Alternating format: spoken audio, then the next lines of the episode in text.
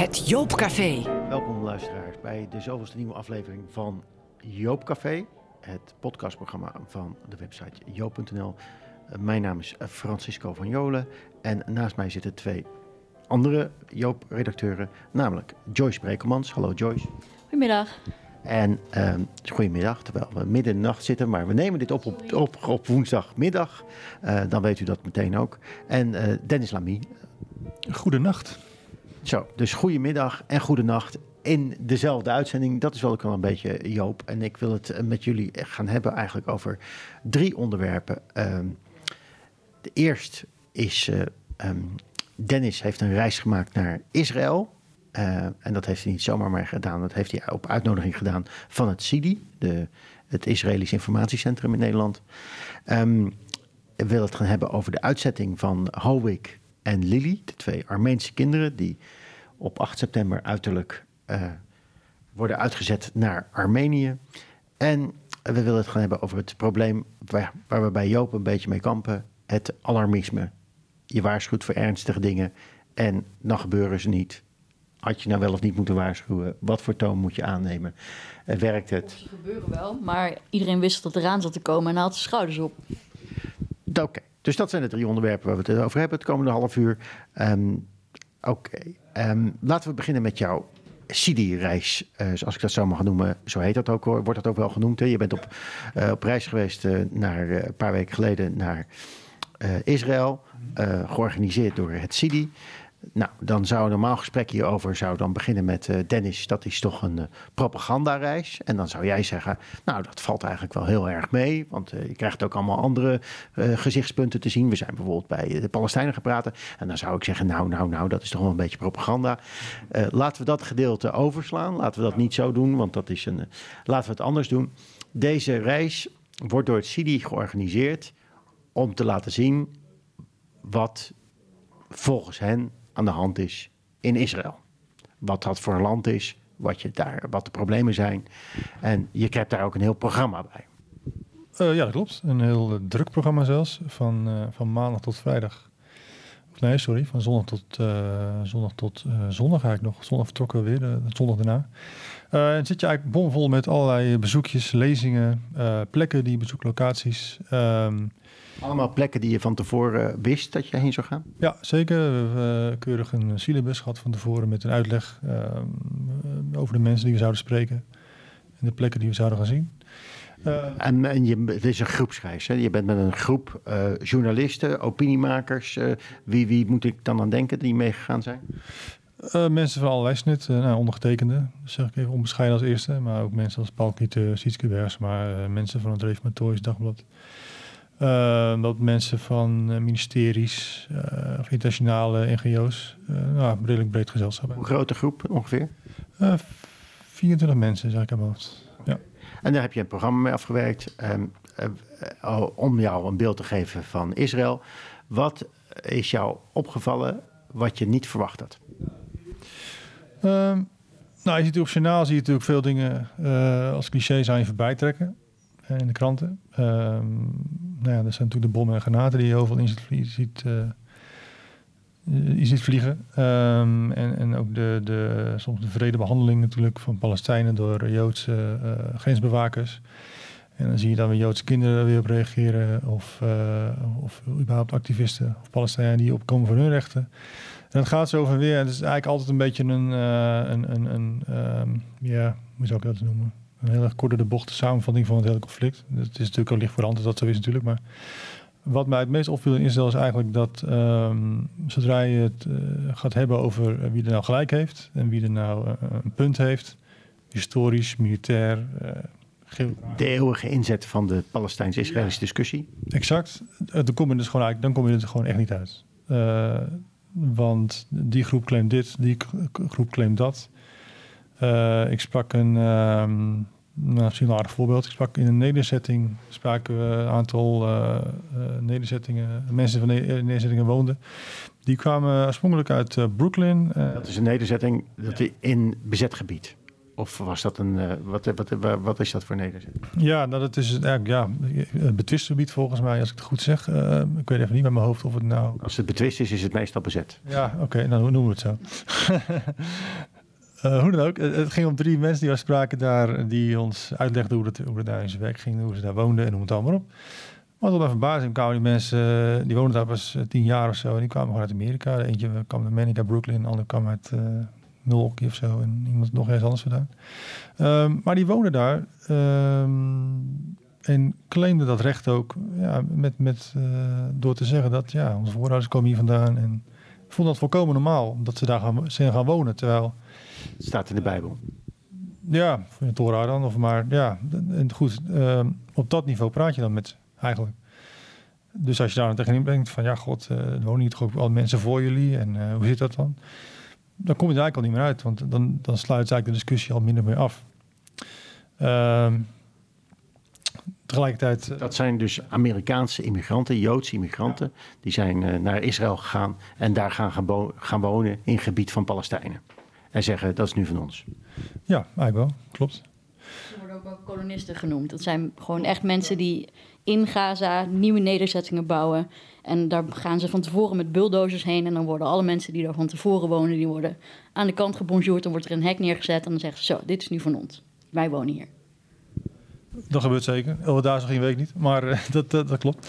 Um, maar wat me ook opviel, want dit is dan, dat we zeggen... En jou viel op dat op het moment dat je met die mensen gaat praten over van... Uh, wacht eens even, hoe komt het dat jullie hier wonen? Dan houdt het gesprek eigenlijk op. Nou ja, ze zeggen liggen een, een historische claim op dat gebied. Ja, als je daar een opmerking over maakt, dan is het gesprek afgelopen. Vrij snel, ja, klopt. Uh, maar het gekke daarvan weer is, het lijkt dus een hele starre houding. En dat is het ook wel. uh, tegelijkertijd uh, merkten wij ook dat, uh, dat, heel veel, dat er zijn heel veel contacten tussen Palestijnen en Joden over en weer. En zijn vaak zelfs bevriend. Of, dus um, ja, het is al niet zo zwart-wit als je zou denken. En goed, dat verwacht je misschien ook wel. Maar...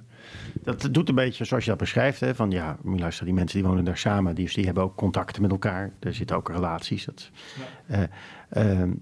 ja, als je op het journaal of in het nieuws rellen ziet hè, in een stad, dan heb je altijd het idee dat daar een, ja, heel veel geweld en oorlog is. Terwijl in de praktijk, dat heb je misschien zelf ook al meegemaakt. Je hebt ook wel eens rellen meegemaakt. Als je hoek omgaat, ja, dan is er niks aan de hand. Hè, dit, het, dat, die rellen die spreken zich af in een, in een meestal een heel klein gebied. Ja. En daarbuiten merk je er eigenlijk niet zoveel van. Uh, dat lijkt me dan hier ook uh, van toepassing. Dat je zegt van ja, uh, ik verwachtte daar een groot conflict. En dat is er dan niet. Nee, het is een beetje latent aanwezig. Uh, aardig voorbeeld is misschien een speeltuin die we bezochten vroeg in de week.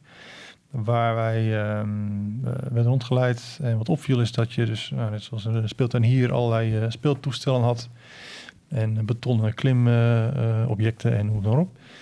Uh, maar toch proeft hij wel iets. Of ja, je, je, had toch een idee van hey, er is iets aan de hand hier, maar ik weet niet precies wat. En uh, nou, totdat onze gids uitlegde dat er dus uh, nou, 15 seconden, je 15, 15 seconden de tijd na een luchtalarm om je in veiligheid te brengen. En dus bleek dus dat veel van die toestellen dus ook gewoon een, verkapte schuilkelder waren. Dus omdat je onder de baton kon je dan kruipen. En, um, dus dat geeft aan dat het dus eigenlijk dat veiligheid altijd wel een item is. En, ja. Betekent dat ook dat de samenleving is gemilitariseerd? Nou, ik vond relatief weinig militair op straat gezien. Dat viel me wel op. Ik had meer verwacht eigenlijk. Maar het is wel overal aanwezig. Uh, uh, ja, schaalkelders heb je wel veel. En, uh, dus in die zin um, is veiligheid wel altijd een, een, onderwerp. Dat wel. Jij zegt, nou, het heeft geen zin om een discussie te voeren over wie er gelijk heeft. Uh, wat is de discussie die dan wel gevoerd zou moeten worden? Nou ja, ik zeg niet dat ik alle wijze in pacht heb, maar als ik het, als ik het zo uh, mogen samenvatten zoals ik het gezien heb, uh, zou ik eerder pleiten voor een soort praktische oplossing, ja, hoe dan ook. Maar omdat ik, ideologisch kom je er dus bijna niet uit. Dat is eigenlijk wat ik gezien heb, de mensen die ik gesproken heb in de Knesset, bij Hamas, bij Gaza, oud-militairen, allerlei soorten mensen. en ook gewoon reguliere Joden-Palestijnen die zich hierover uitspraken, um, dan kom je er dus bijna niet uit. En dat is wel gebleken de afgelopen decennia natuurlijk. Ja, dat is dus juist het probleem. Je hebt te maken met mensen die stellingen betrokken hebben.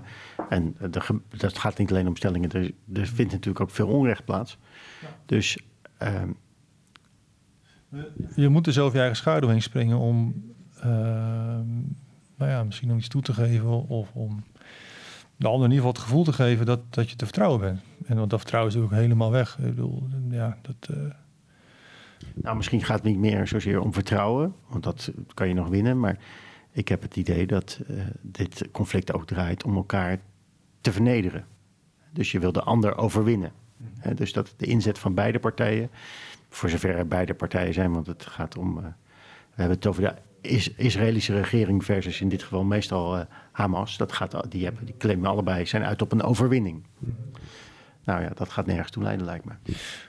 nee, die bedoelt omdat het een altijd ten koste gaat van de ander. Jouw winst gaat dan ten koste van dit. Als je uit bent op overwinnen, dan ben je erop uit op vernederen. En dan, eh, Nou ja, dat klopt. En die grondhouding is denk ik ook niet gezond in dit. eh, en je hebt gelijk, aan beide kanten zijn het, eh, wat dat betreft, eh, denk ik dat de, de scherpslijpers op dit moment wel eh, aan het roer staan. En Ja, alleen jullie spreken heel erg in termen van twee gelijke partijen die strijden. En dat is natuurlijk niet de feitelijke realiteit. Je hebt een hele grote, machtige staat met een hele grote militaire bezettingsmacht. die internationaal steun geniet. Die miljarden wordt daar jaarlijks ingepompt.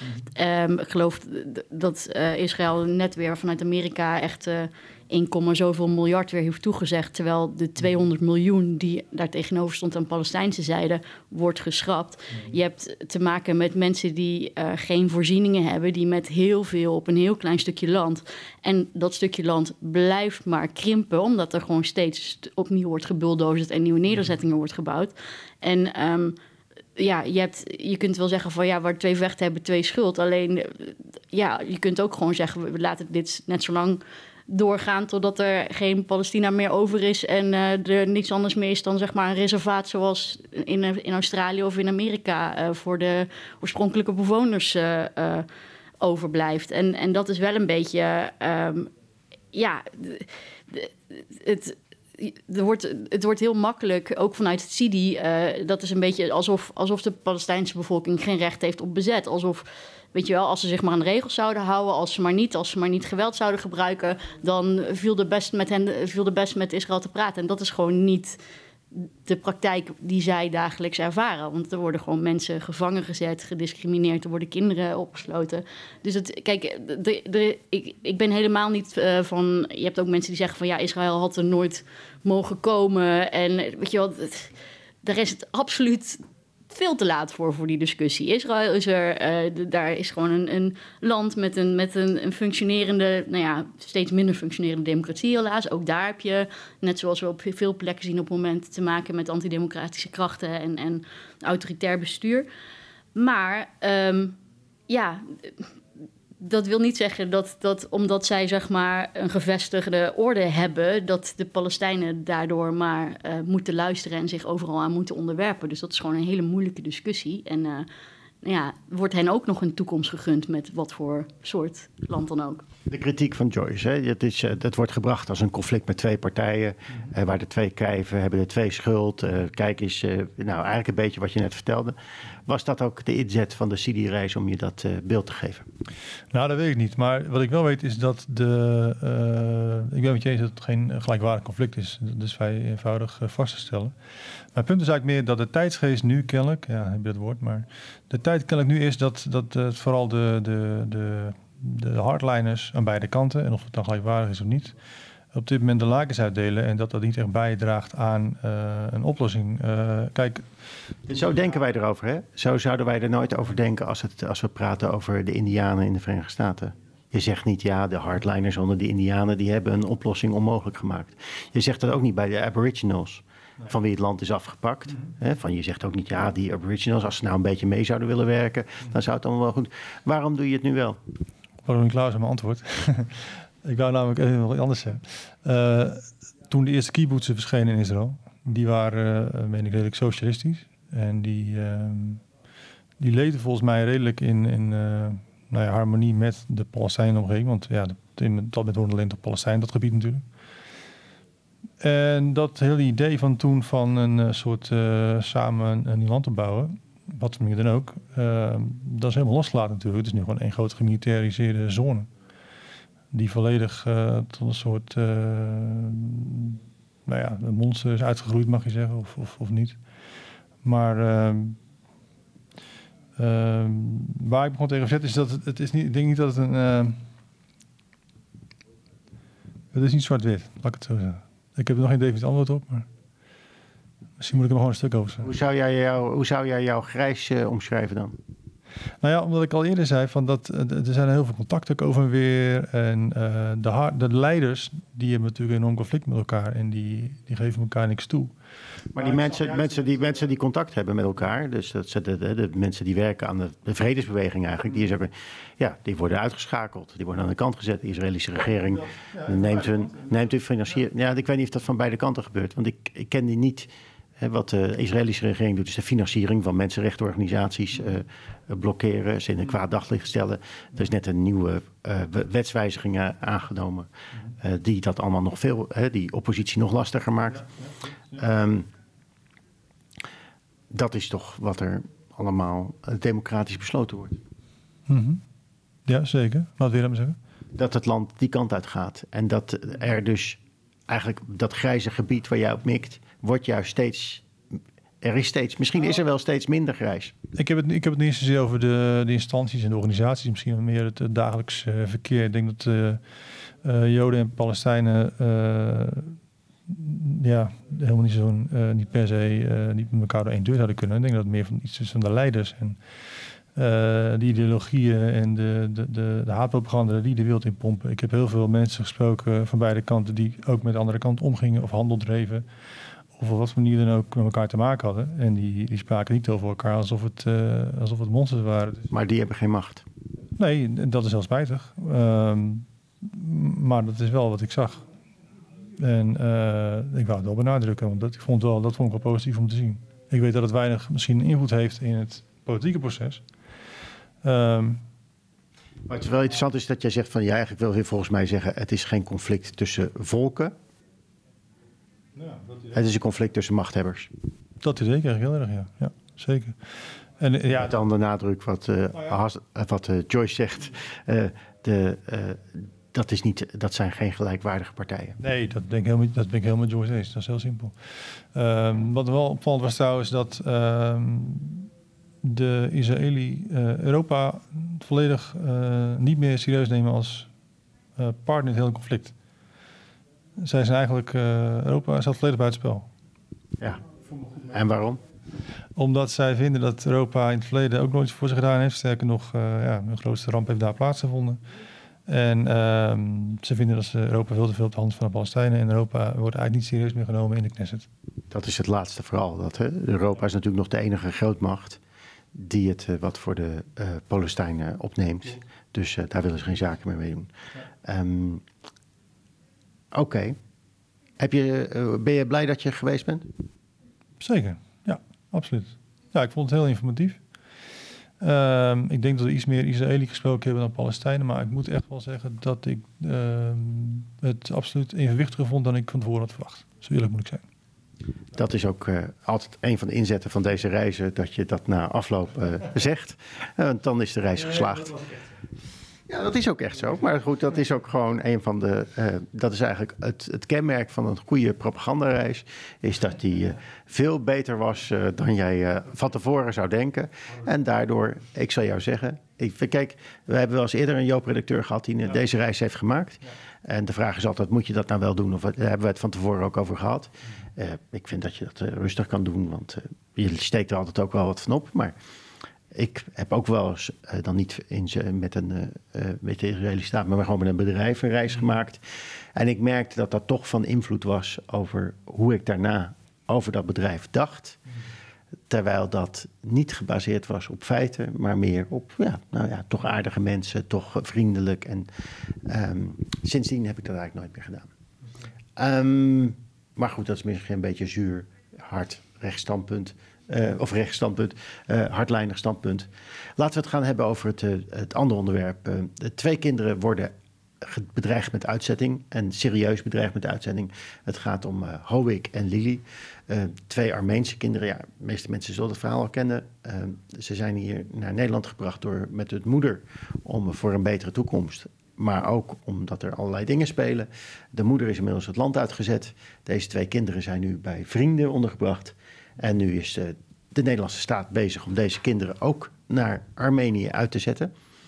Um, ja, wie kan ik daar wat over laten zeggen? Dennis, jij had uh, voorafgaand aan de opname, zei je van ja, er is wel iets raars aan de hand. Nou ja, ik denk het wel, ja. Ehm, het lijkt een beetje een trend te worden om, ehm, om kinderen van ouders te scheiden. We hebben het gezien in Amerika, een tijdje geleden. Waar kinderen uh, in centra werden gestopt en gescheiden van hun ouders dus. En collega Joyce meldde vandaag nog, meen ik, dat het, uh, dat het ook inmiddels gestopt is. Het, herenigen van die ouders met de kinderen. Dus ja, kennelijk zijn de rechten van kinderen niet meer zo belangrijk in het Westen. waar we ons toch altijd zo op onze borst kloppen over het feit dat we hier zo, uh, zo mensenrechtelijk zijn. Maar kennelijk uh, is een schaal aan het schuiven. Of, of uh, en, en, ja, zijn we er niet zo goed in. Joyce? Nou ja, um, kijk, we hebben heel lang bitter gevochten in de politiek over en voor een, een, een kinderpardon. Um, daar is uiteindelijk er zijn regels, uh, er zijn beroepsprocedures. En um, als je mensen hoort praten over het feit uh, dat mensen het wagen om zich te proberen in Nederland te vestigen. Dat het dan, weet je wel, nou ja, het eerste antwoord, standaard antwoord is altijd nee. En, en dan ga je dus de, de molen in en dan zeg je ja, maar ik heb goede redenen. En dan zeggen ze weer nee en dan teken je je beroep aan. En um, wat, wat ik heel uh, bijzonder en kwalijk vind, is eigenlijk um, de ontzettende boosheid die dat opwekt bij mensen. Van hoe haal je het in je hoofd? Want je, je, je maakt misbruik van. Uh, en je loopt, je loopt de boel te traineren. En ja, alsof je, alsof je zeg maar niet gebruik mag maken van het rechtssysteem dat er is. En daar staat tegenover alsof de Nederlandse overheid dat niet precies hetzelfde doet. Als mensen namelijk in de ogen van uh, staatssecretaris Harbers te makkelijk een uh, verblijfsvergunning krijgen. dan gaat hij net zo goed in beroep om je die vergunning te proberen af te pakken. Dus uh, dat is gewoon een juridisch spelletje waarbij het, het uitgangspunt van het Nederlands kabinet op dit moment is om gewoon onder de streep zo min mogelijk mensen te hoeven toelaten. Uh, de, de, organisaties die dat moeten beoordelen hebben daar ook allerlei trucjes en dingen voor om te zorgen. Nou ja, je bent, we geloven niet dat je gay bent, je bent niet gay genoeg. Uh, je, ja, je verhaal klopt niet, uh, je, je, je paspoort klopt niet. Ja, maar ik kom, uit een, ik kom van een plek waar geen bureaucratie is, dus hoe kan ik dan de juiste papieren hebben? Ja, dat is niet ons probleem, zoek het maar uit. Um, dat is, het zijn gewoon hele ingewikkelde procedures, waarbij het ook voor de mensen die daarbij betrokken zijn heel moeilijk is om om daaruit te destilleren van wat nou, ja, wat, wat erachter zit en, en hoe ze met die mensen om moeten gaan. Dat, dat is complexe materie. Alleen het oordeel, wat mensen daarover denken te kunnen vellen, is altijd heel zwart-wit en eenduidig. Zo van ja, uh, je hebt nee te horen, gekregen, te horen gekregen, dan moet je maar opdonderen. En alles wat daarna gebeurt is jouw schuld. En dat vind ik bijzonder hardvochtig, hardvochtig omdat ik zoiets heb van... als jij uh, ja, als jouw kinderen ergens niet veilig zijn, als jij ergens niet veilig bent, je, hebt gewoon, je ziet geen mogelijkheid voor jezelf om, om enigszins fatsoenlijk leven op te bouwen. En je gaat het e-, elders proberen. Dat lijkt mij zeg maar gewoon een hele menselijke, basale manier van handelen. En, uh, maar als je kijkt over hoe er over deze moeder uh, gesproken wordt, alsof zij een of andere uh, leugenachtige crimineel is die het allemaal. Uh, ik, ik snap. Maar dat is een beetje wel de, de, eigenlijk de, de, de, de tendens.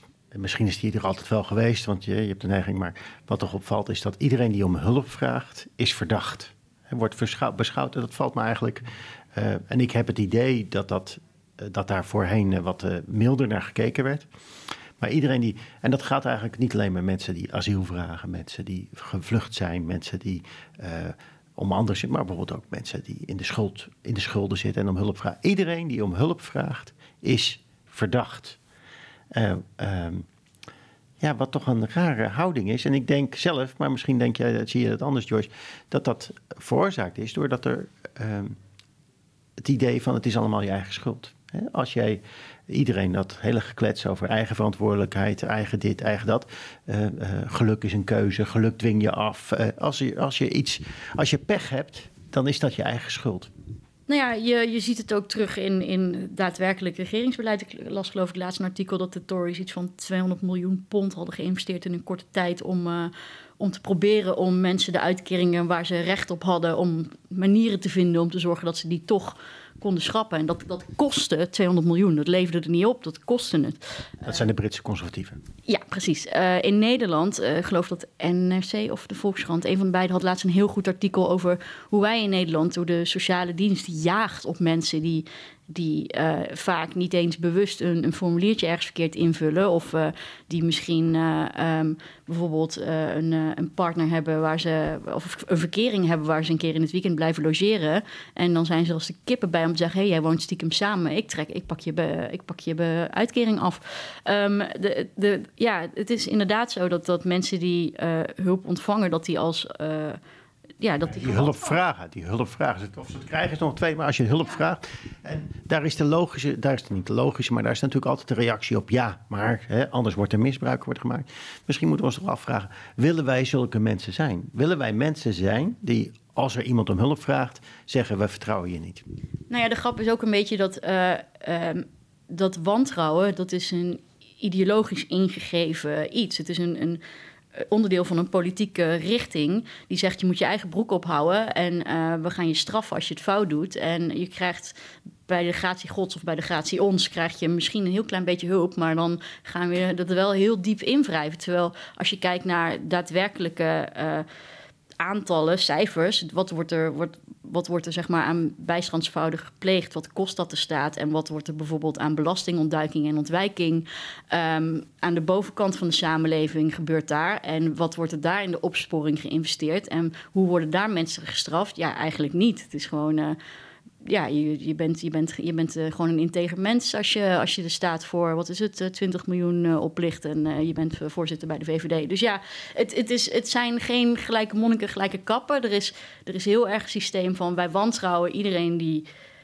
die een klein beetje hulp vraagt of die het heel zwaar heeft. En, ja, en, en mensen die gewoon hè, de regels naar hun wil buigen, omdat ze nou eenmaal de, de slimste accountants kunnen betalen, daar wordt heel anders naar gekeken. En dat is, ja, dat vind ik wel een beetje verontrustend, ja.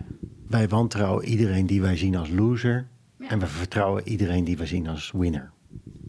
Nou ja, en dat, dat is ook wel gebleken dat dat, eh, dat imago wat de VVD graag projecteert van wij zijn de ondernemerspartij en wij zijn succesvol en wij zijn gezellig en eh, weet je wel, met ons valt, eh, valt er wel wat te regelen. Dat, dat werkt, daar zijn mensen heel erg gevoelig voor. Terwijl ze aan de andere kant heel hard uithalen mensen met, met minder mazzel.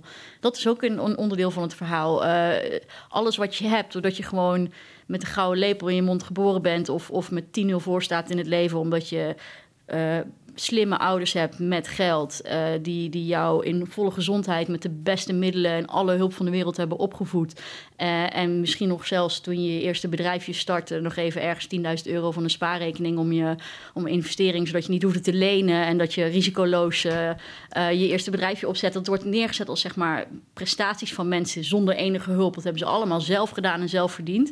En iemand die met, met 10-0 achter staat in het leven en zich vanuit totale misère gelukkig met, met hulp van de inst- instituties die er nog steeds zijn, de sociale voorzieningen die we nog niet hebben afgebroken, zichzelf een klein beetje omhoog klauteren tot een soort van redelijk levensbestaan. Ja, daar wordt een beetje op neergekeken. En eh, ja, als, als, die, als die pech hebben, dan is het hun eigen schuld. Misschien is het een tip voor mensen die hulp zoeken om eh, zich eerst aan te melden als lid van de VVD. Want als je VVD'er bent, ja, dan wordt er toch anders gekeken naar alles wat je gedaan hebt. Ehm, helaas zal het zo in de praktijk niet werken. Maar laten we het wel even kijken. Wat wou je zeggen, Dennis? Nou, wat ik opvallend vind is eigenlijk dat de, christelijke partijen in het kabinet daar zo ja, best wel laks mee omgaan met deze insteek. Eh, ik denk dat de van eh, Joyce helemaal klopt namelijk. Maar als christelijke partij zou je toch juist moeten staan voor de, nou ja, ik vind het een beetje een eh cool woord, maar de losers in de samenleving of de, de mensen die het moeilijk hebben, de mensen die, eh, nou ja, bijvoorbeeld de mensen die worden uitgezet, noem maar op. Eh, ik ben heel benieuwd hoe Jezus daar naar gekeken zou hebben. Dat geldt voor christelijke partijen als ze niet aan de macht zijn.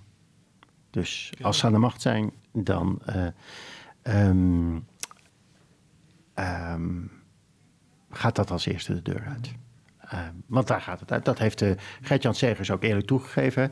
Het uh, gaat over de dividendbelasting. En dan zegt hij, ja joh, ik vind het vreselijk, maar uh, ik wil door blijven regeren. Want daardoor kan ik andere punten binnenhalen. Dat was natuurlijk ook wat Samson altijd zei, hè, Diederik Samson. Ik doe dit om erger te voorkomen. Nou, we weten hoe het met politici afloopt die dat soort dingen zeggen. Ehm, dat weten we natuurlijk ook met ChristenUnie, geldt over D66. Ze gaan er bij de volgende verkiezingen allemaal aan, ja. behalve de VVD. Ja. Uh, Oké, dan tot het laatste, het laatste onderwerp, nog even snel, uh, want uh, de tijd dringt. Um, alarmisme, laat ik het eigenlijk maar zo maar even noemen. Ik heb toevallig net een, niet toevallig, maar ik heb net een opiniestuk zelf geschreven over de situatie in de Verenigde Staten. En ja, de situatie in de Verenigde Staten is erg. En wordt met de dag erger. En we hebben er al vaker opinies over geschreven, allemaal. We zijn er ook allemaal mee bezig wat daar gebeurt. En het is een raar fenomeen aan de gang. Uh, Nina Weijers, de schrijfster, die hoorde ik dat uh, afgelopen zondag zeggen bij uh, Brainwash Radio. Die zei: Ja, er is eigenlijk een soort inflatie van ja, wat erg is. Hè? Dus de dingen bij Trump, iedere keer schrikken we van wat hij aan het doen is. En de volgende dag is dat alweer normaal, want dan doet hij nog iets ergers. En um, dat leidt bij ons bij het probleem dat wij. Nou, we schrijven natuurlijk ook waarschuwende stukken. Je ziet iets oprukken. De, de, Trump begint uh, trekjes van een dictator te vertonen. Daar waarschuw je voor. En dan? Nou ja, uh, je, het, lijkt een soort uh, lethargie op te treden bij mensen. Gewoon, ja, wat, wat. Ik bedoel, je hebt aan de ene kant had je de mensen. Al tijdens de verkiezingscampagne werd er gewaarschuwd van: joh, deze, deze kerel is niet goed. En uh, die gaat ontzettend veel corruptie brengen. En uh, die heeft. Uh, ja, heeft racistische ideeën, heeft racistisch gehandeld, is je ook voor veroordeeld in het verleden. Um, dat gaat grote gevolgen hebben voor hele, een hele grote aantallen Amerikanen, maar ook immigranten. nou, dat zie je allemaal bewaarheid worden. Hij is systematisch bezig met het ontmantelen van instituties. Alle, alle sociale programma's en, en voorzieningen worden bij de enkels afgezaagd, afgebroken. Er worden mensen neergezet die alleen maar als doel hebben om zoveel mogelijk er een puinhoop van te maken, zodat er niks meer van overblijft. Of trek het leeg of haal alle subsidie er weg. Um, en uh, en installeer zoveel mogelijk extreem conservatieve rechters op zoveel mogelijk plekken, zodat, uh, nou ja, uh, progressief Amerika, ehm, want die worden vaak benoemd voor het leven, nou ja, op, op een enorme afstand wordt gezet. En dat zie je overal gebeuren. De, de op, als Kavanaugh, dat is de kandidaat die, die de Republikeinen willen hebben, als die benoemd wordt tot de Supreme Court, dan, dan loopt dus het risico dat. dat het Hooggerechtshof, ja. Ja, dat, ze, dat abortus wordt, wordt teruggedraaid, dus dat het niet niet, dat het opnieuw illegaal wordt. Um, wat het overigens in heel veel staten uh, ja, ook wel is in de praktijk.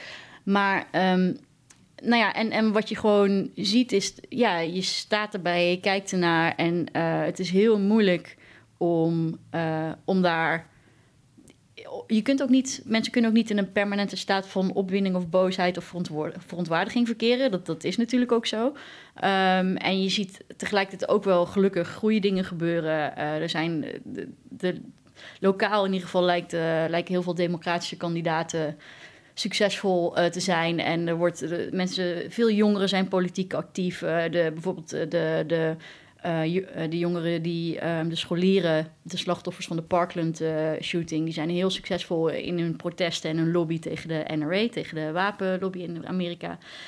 Um, ja, je ziet, je ziet wel kleine democratische mechanismen die, die her en der lijken te werken, maar tegelijkertijd zit er gewoon op het allerhoogste niveau zit gewoon een club mensen met, met toch wel ja, vrij nare bedoelingen. En die delen voorlopig de lakens uit en die blijven ook in principe tot 2020 aan de macht. En dan kun je gewoon veel schade aanrichten. Maar oké, als je waarschuwt daar allemaal voor, dan worden mensen daar, hoe noem je dat, murf van.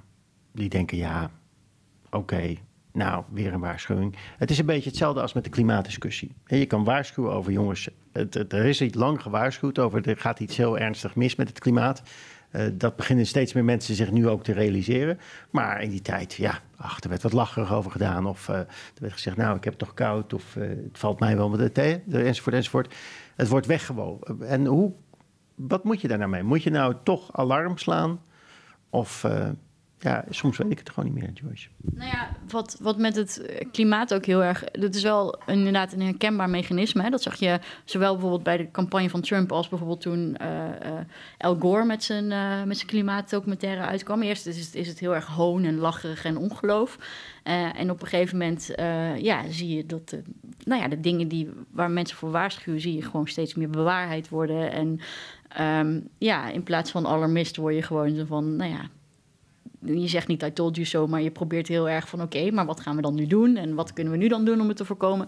En dan bots je nog steeds op de weerbarstige realiteit van bijvoorbeeld met klimaatmaatregelen in Europa, um, met politici die uh, best wel dingen zouden willen doen, maar die tegelijkertijd ook allerlei andere belangen hebben waar ze, uh, die ze te dienen hebben, economische belangen. Um, populistische belangen, want ze willen wel herkozen worden en aan de macht blijven. Waardoor het heel verleidelijk is om allerlei dingen maar op de lange baan te schuiven. En vervolgens gebeurt er weer niks. En uh, ja, totdat we straks gewoon lekker met z'n allen onder water staan. Maar moet je dan niet waarschuwen? Moet je dan maar niks zeggen? Nee, dat kan niet. Je kunt niet. Het zou hetzelfde zijn als dat jij. Weet je wel, je ziet een, je ziet een meisje op de weg, er komt een auto aan. En je zou niet roepen van. Pas op, er komt een auto aan. Ik bedoel, dat, dat is gewoon. Dat zit in de mens en het is heel goed. En soms werkt het, soms werkt het niet, maar ja. Je kunt niet niks doen. Nee. Laten we dat uh, concluderen. Dennis? Amen. Oké. Okay. Dank jullie wel voor deze aflevering van Joop Café. Um, hopelijk heeft u met plezier geluisterd. Mocht u willen reageren, stuur een bericht naar redactie.joop.nl met als onderwerp podcast. We zijn erg blij om reacties te ontvangen. Um, dankjewel Joyce Brekelmans, dankjewel Dennis Lamy en mijn naam is Francisco van Jo.